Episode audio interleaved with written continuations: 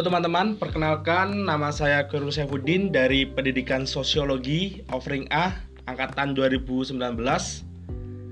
Nah, kali ini kita akan berbincang-bincang atau bisa dikatakan podcast tentang apa? Virus radikalisme di era digital. Nah, di tengah gencarnya pemerintah menggalangkan kembali kecintaan dan kesetiaan kepada ideologi, yaitu ideologi Pancasila, ada nih sebuah riset menunjukkan hasil yang bertolak belakang. Dikatakan bahwa saat ini paham radikal kian tumbuh subur di ranah digital yang menargetkan mahasiswa dan pelajar. Bahkan tidak sedikit dari mereka yang siap untuk berjihad demi tegaknya khilafah di Indonesia. Nah, kira-kira nih teman-teman, seberapa besar potensi ini dan apa dampaknya jika ini terus berkembang? Sebelum kita lanjut, saya perkenalkan dulu, saya silahkan untuk teman saya dari jurusan HKN memperkenalkan diri. Silahkan, Rek. Hai, perkenalkan nama saya Ika Dwi Puramasari dari mahasiswi Universitas Negeri Malang, jurusan Hukum dan Kewarganegaraan, prodi S1 Pendidikan Pancasila dan Kewarganegaraan. Biasa dipanggil siapa, Rek? Biasa itu, biar enak gitu. Boleh dipanggil Ika. Ya dah, Mbak Ika ya. Ya. Nih, Mbak. Menurut Mbak nih, Mbak Ika nih, radikalisme itu apa sih? Uh, radikalisme itu kalau menurut saya merupakan suatu paham atau aliran radikal yang mereka itu menginginkan perubahan, tapi perubahannya dilakukan dengan pergerakan-pergerakan melalui jalur kekerasan atau tindakan-tindakan ekstrim lainnya. Hmm. Seperti itu. Tadi kan itu. Iya. Mbak Ika kan bilang kayak radikalisme itu lebih mengacu kepada implementasinya itu tindakan yang apa kekerasan lah tidak baik-baik nah untuk Mbak Ika sendiri itu apakah pernah mengalaminya atau pernah mengalami kasus-kasus tertentu gitu tentang masalah radikalisme itu sendiri Oke, kalau untuk mengalami secara langsung saya belum pernah ya. Hmm. Terus jangan sampai pernah juga. Ya, betul betul lah, janganlah. Mm-mm. Tapi kalau mengamati banyak sih kan kegiatan eh kegiatan pergerakan-pergerakan itu kan banyak kan ya. Iya.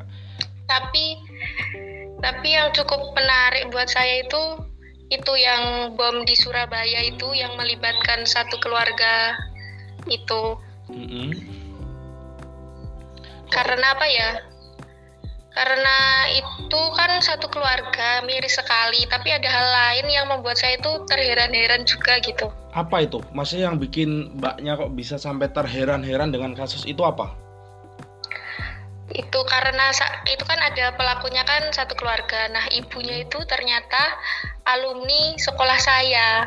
Oh. Jadi jadi uh, membuat sekolah saya itu pada saat itu cukup gaduh gitu. Banyak wartawan yang datang terus meminta klarifikasi apakah benar itu alumni dari sekolah saya dan ternyata ya memang benar alumni sekolah saya. Padahal itu sekolah saya itu punya semboyan yang cukup menarik gitu. Apa tuh kayak semboyan kok bisa semboyannya dikatakan menarik itu seperti apa Ya menariknya itu sekolah saya itu semboyannya rintisan sekolah dunia akhirat. Oh ya paham paham. Tapi kok pada kenyataannya kok masih ada gitu loh alumni yang ibaratnya tidak bisa mengimplementasikan itu ya apa tadi? Hmm, rintisan dunia ya, akhirat ya, betul, itu. Betul. Cukup menggemparkan uh, juga bener. ya. Nih kemudian ya itu yang juga cukup mengherankan saya. Hmm, ya ya kemudian nih Mbak Ika nih. Kan itu kan. Sekarang kita itu apa namanya udah masuk di mana? Di era globalisasi dan modernisasi. Di mana apa? Kemajuan teknologi aja sudah sampai 4.0 4.0 ya kan? Iya. Nah Mbak Ika nih. Di era globalisasi dan modernisasi seperti ini nih khususnya di Indonesia nih siapa nih yang lebih rawan terdampak virus radikal? Uh, kalau menurut saya sih sebenarnya semua orang itu berpotensi ya. Hmm, ya betul betul. Apa terkena paham ini. Tapi saat di era yang teknologinya cukup berkembang ini, menurut saya yang dapat berpotensi besar terpapar itu yakni kalangan-kalangan mereka yang melek teknologi dan dan dekat dengan media sosial. Misalnya ya seperti kaum milenial ini. Itu, Mbak, apa? Biasanya tuh kayak platform media sosial yang menurut Mbak yang rawan itu apa? Uh, menurut saya sekarang itu semuanya ratwa, rawan sih. Cuma kan hmm. paling banyak pengguna itu kayak Instagram, Facebook, Twitter, YouTube juga bisa atau tinggal klik di Google aja informasi itu ya? bisa didapatkan gitu. Banyak sekali ya ibaratnya Kak jaring-jaring yang di apa jaring-jaring radikalisme yang disebarkan oleh oknum-oknumnya itu sudah mulai oh, banyak. Benar. Iya hmm. benar-benar. Kemudian nih Mbak, apa sih radikalisme di era digital itu? Uh, kalau menurut saya itu radikalisme di era digital itu merupakan persebaran paham radikal itu sendiri baik dari bentuk apa pun yang memanfaatkan perkembangan dan kecanggihan teknologi itu sendiri seperti itu. Nah, untuk itu mbak apa? Untuk biasanya nih narasi perekrutan itu loh yang apa yang disebarkan yeah. oleh oknum-oknum itu di ranah digital seperti apa narasi perekrutannya? Um, narasi perekrutannya itu uh, saya pernah ya mas itu mendengar dari Bapak Arief Budi Setiawan mm -hmm. dari beberapa saat yang lalu itu narasinya itu ya kalau awal-awal sih mungkin ya sama saja gitu kayak masih belum masih belum mengarah ke hal-hal yang uh, menyimpang gitu. Narasinya awalnya ya tetap persebaran tauhid gitu-gitu. Terus kalau sudah semakin jauh itu kayak udah mengarah ke narasi kegelisahan atau penderitaan yang dialami umat. Terus menyebutkan apa penyebab penyebabnya narasi perlawanan juga dan provokasi untuk melakukan aksi pergerakan itu mas. Oh cukup apa namanya cukup mengkhawatirkan ya, Mbak. Iya. Nah, Mbak, itu kan untuk narasinya sendiri nih. Kan seseorang itu kan semisal apa namanya? terjangkit virus radikal itu kan nggak ibaratnya nggak langsung jadi ibaratnya kak cepet seperti memba, apa membalikan telapak tangan kan nggak ya kan pasti ada prosesnya iya benar nah itu nggak mbak mbak tahu gimana proses apa namanya kayak semisal orang yang awam belum kenal radikalisme sama sekali sehingga bisa menjadi orang yang radikal bahkan menjadi apa calon-calon terorisme gitu prosesnya itu seperti apa mbak? Um, seperti ini sih yang saya ketahui kan sekarang uh, mungkin lebih ke era digitalnya ya. ya. Betul betul. Nah mungkin kan setiap orang itu misalnya mereka punya pull factor dan push factor. Hmm. Nah, dari itu misalnya dia baru awal mau hijrah gitu. Oh, ya terus? Terus dia baru awal hijrah, terus dia itu cari informasinya lewat media-media sosial. Oh, ya tahu tahu tahu uh, kan dia misalnya ngeklik ke Google gitu terus keluar informasi-informasi yang dia belum ketahui atau belum dikenal. Mm-hmm. Nah karena partisipan-partisipan dari uh, kalangan radikal ini kan aktif juga menulis kan mas? Oh ya ya. Nah pas dicari itu yang ketemu tulisan mereka. Nah kemudian timbul rasa penasaran dipelajari terus mereka ketemu postingan yang sejenis kemudian menjalin kontak nah pada saat itulah diarif, diarahkan ke channel kelompok radikal itu dan bisa saja dimasukkan ke grup entah itu Telegram, WhatsApp atau yang lainnya. Nah, pada grup-grup ini, pada grup-grup yang sudah dimasuki ini baru kayak persebaran paham radikalnya itu udah mulai gencar gitu, Mas. Sudah mulai ditanamkan ya? Uh, sudah mulai dikasih tahu yang narasi tadi yang kegelisahan, oh, iya, iya. penderitaan gitu-gitu tadi. Intinya gimana apa namanya kayak orang awam ini itulah paham, maksudnya ngerti sehingga mereka tertarik dan juga bisa apa namanya kayak ibaratnya kayak dicuci otak ya rek. Uh, uh, terus ditanamkan paham-pahamnya oh, itu. Ya, ya. Kemudian nah, kalau sudah ya kalau sudah ditanamkan paham-pahamnya itu kan sudah mulai timbul rasa ingin adanya perlawanan gitu oh. mau kayak mau dia itu mau memperbaiki gitu nah pada saat ini udah diajarkan nih musuh yang boleh diserang musuh yang tidak boleh terus diajarkan cara menyerangnya gimana nah pada saat itulah sudah mulai mereka jadi pelaku teror itu sendiri oh, cukup mengerikan Uh, uh, betul. Jadi dari yang nol itu bisa jadi pelaku teror bahkan sekarang ini tuh. Hanya gara-gara apa namanya tadi apa? Ibaratnya kayak mau belajar tentang agama, mau mendalami agama, cuma secara otodidak ya. mempelajarinya kayak lewat online dan pas gitu apa namanya kayak mereka kan belum Tidak tahu gitu. gitu iya. orangnya. Nggak memahaminya langsung diklik aja terus ya itulah bisa terjerat ke apa kayak namanya radikalisme nah itu tadi prosesnya ya rek betul uh, betul nah nih untuk dampak radikalisme di kalangan pelajar itu seperti apa menurut Mbak Ika sendiri? Kalau menurut saya itu dampaknya ya bisa ke pelajarnya itu sendiri juga bisa ke negara ya. Hmm, kalau untuk ke pelajar sendiri itu seperti apa mbak? Kalau ke pelajarnya kan pasti merusak masa depannya ya. Oh, ya kalau karena kalau kalau udah masuk ke lingkungan ini kan ada dua kemungkinan nih. Mm-hmm.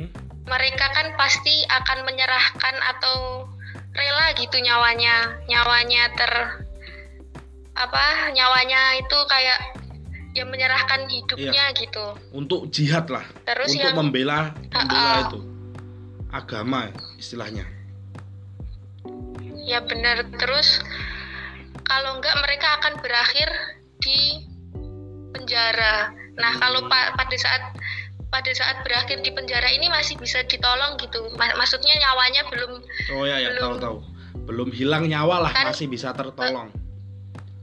Uh, uh, apalagi kalau udah masuk penjara kan ada kemungkinan mereka sadar gitu. Yeah. ya kalau masuk penjara saja kalau mereka sudah kehilangan nyawa mereka wah masa depannya kan lebih ya nggak ada udah nggak ada lah lagi kan? gitu.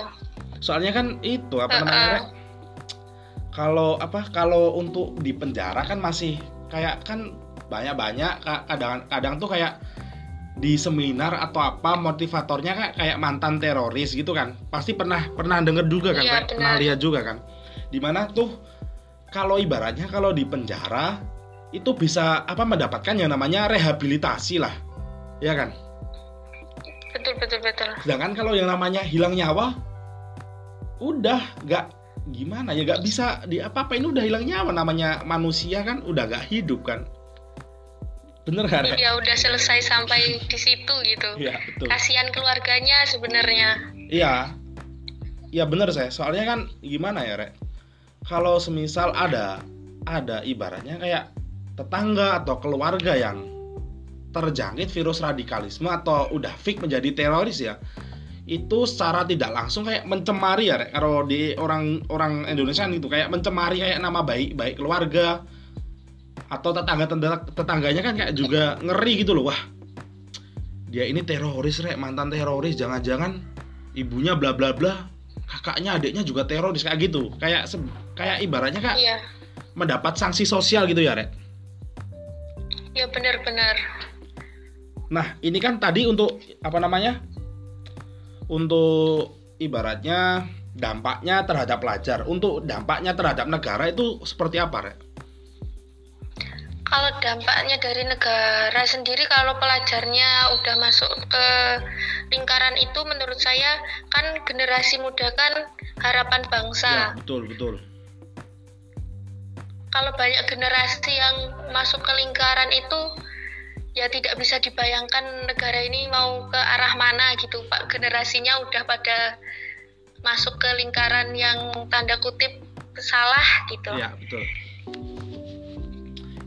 jadi tuh kayak jika apa namanya kayak virus radikalisme ini tidak apa namanya kayak tidak diblok tidak di apa namanya tidak diantisipasi itu nanti bakal apa iya. namanya kayak negara ini masa depannya mau dibawa ke mana gitu ya rek? Ya menurut saya begitu. Nah gini rek apa? Nih kita kan kayak mahasiswa. Apa kaum milenial nih? Pernah nggak kalau Mbak Ika nih Mbak Ika Mbak Ika dulu ya. Pernah nggak kayak mendapat pesan atau apa yang ibaratnya berbau radikalisme di ranah digital seperti kayak di media sosial Instagram, WhatsApp dan lain-lain gitu pernah nggak? Uh, kalau saya sih ya mestinya kayak kalau pesan-pesan gitu kan pasti kayak pesan ujaran ke kebencian untuk jihad gitu kan oh, pasti iya. lewat-lewat ya. itu pernah juga tapi nggak langsung ke saya gitu paling ya iklan lewat-lewat gitu aja sih oh tahu-tahu itu pernah salah klik atau apa nggak rek? Masnya sehingga kebaca gitu. Pernah? Ya kayak gitu sih ya. Kayak gimana ya? Ya ya pernah kayak melihat seperti itu tuh ya hmm. ya pernah sih ngeklik gitu loh. Cuma Cumaan sekilas kayak, aja sekilas. Uh, uh, sekilas sekilas gitu hmm, gitu aja. tahu, tahu. terus nih rek. Kalau nih ini jujur ya semisal apa namanya lebih kak ideologi Pancasila atau memilih jihad kalau dari Mbak Ika sendiri Uh, kalau dari saya sendiri ya pasti Pancasila ya. ya, ya. Kan tahu sendiri saya saya pun percaya Pancasila itu sudah yang paling pas gitu. Oh ya. Kita betul, kan betul. sudah sudah uh, sudah melihat ke sejarah mau diapakan Pancasila itu tetap yang menang itu Pancasila gitu. Iya sih. Jadi kita kan, ya. Jadi kita gimana? jadi kita itu ya harus percaya memang Pancasila itu yang pas gitu oh, saya pun iya. percaya itu sampai saat ini pun juga iya sih Rek. dan seterusnya apa, kalau menurutku juga kayak Pancasila itu dari apa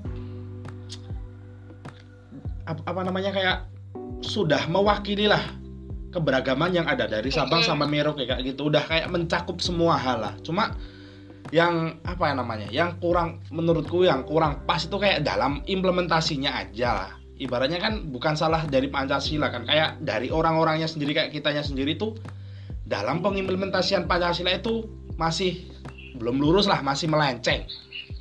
Bener gak rek? bener bener bener nah jadi kayak semisal kalau saya semisal ada yang tanya nih eh rek kamu milih jihad atau ideologi Pancasila? Kalau aku sih ya ideologi Pancasila. Soalnya ya tadi udah pas gitulah. Udah mewadai itu kayak keberagaman yang ada dari Sabang sampai Merauke kayak gitu. Nah Rek ya. nih nih bagaimana nih menurut Mbak Ika nih bagaimana menangkal virus radikal di ranah digital itu? Kayak kiat-kiatnya gimana kayak gitu menurut Mbak Ika? Oke okay, ya. Menurut saya itu kalau untuk menangkalnya kita harus bijaksana ya dalam menggunakan kecanggihan teknologi ini.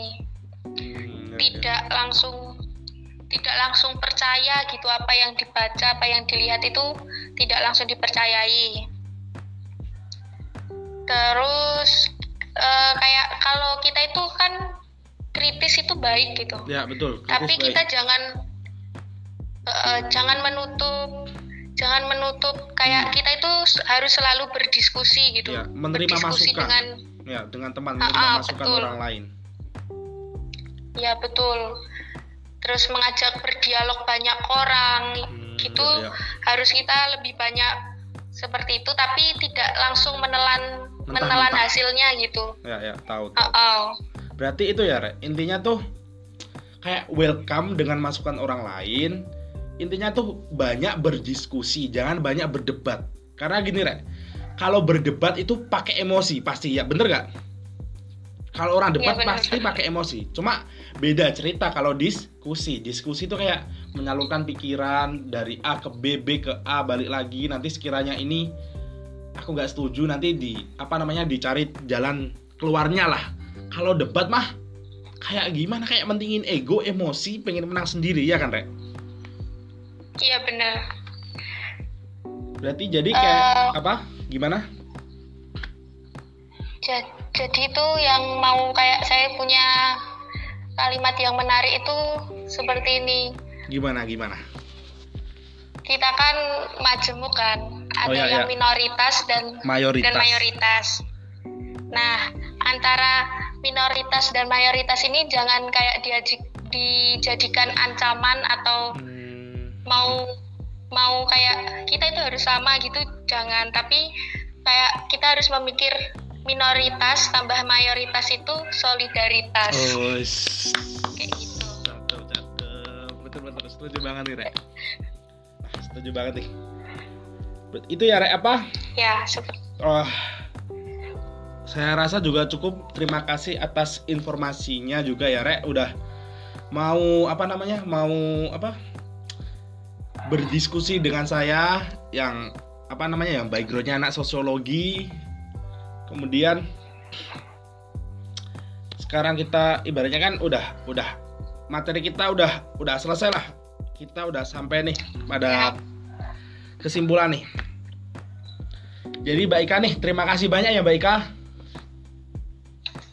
Ya, sama-sama. Saya juga terima kasih sudah dikasih dikasih kesempatan juga untuk berdiskusi bareng seperti ini. Semoga semoga ilmunya sama-sama bermanfaat ya. Amin, amin, amin. Nah, teman-teman, kesimpulannya dari apa namanya kayak diskusi kita pada podcast kali ini adalah kita kan kaum milenial di mana kita hidup di era globalisasi dan modernisasi. Di era perkembangan teknologi yang kian pesat seperti ini nih. Sehingga persebaran informasi yang mudah didapat dan cepat tersebar, kita harus bijaksana dalam menyikapi informasi-informasi tersebut. Agar kita sebagai kaum milenial itu paham seperti apa radikalisme yang disebar sehingga virus-virus radikalisme itu dapat kita tangkal, tidak mudah merasuki kita. Jadi intinya tuh kita tuh harus apa? Punya filter lah. Boleh menerima informasi dari mana pun, dari sumber apa pun. Selagi tidak hoax, harus kita benar-benar filter.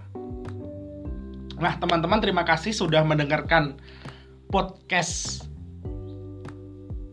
kali ini nih. Semoga kita bisa ketemu di podcast-podcast lain kalinya. Bye bye, semoga bermanfaat. Terima kasih.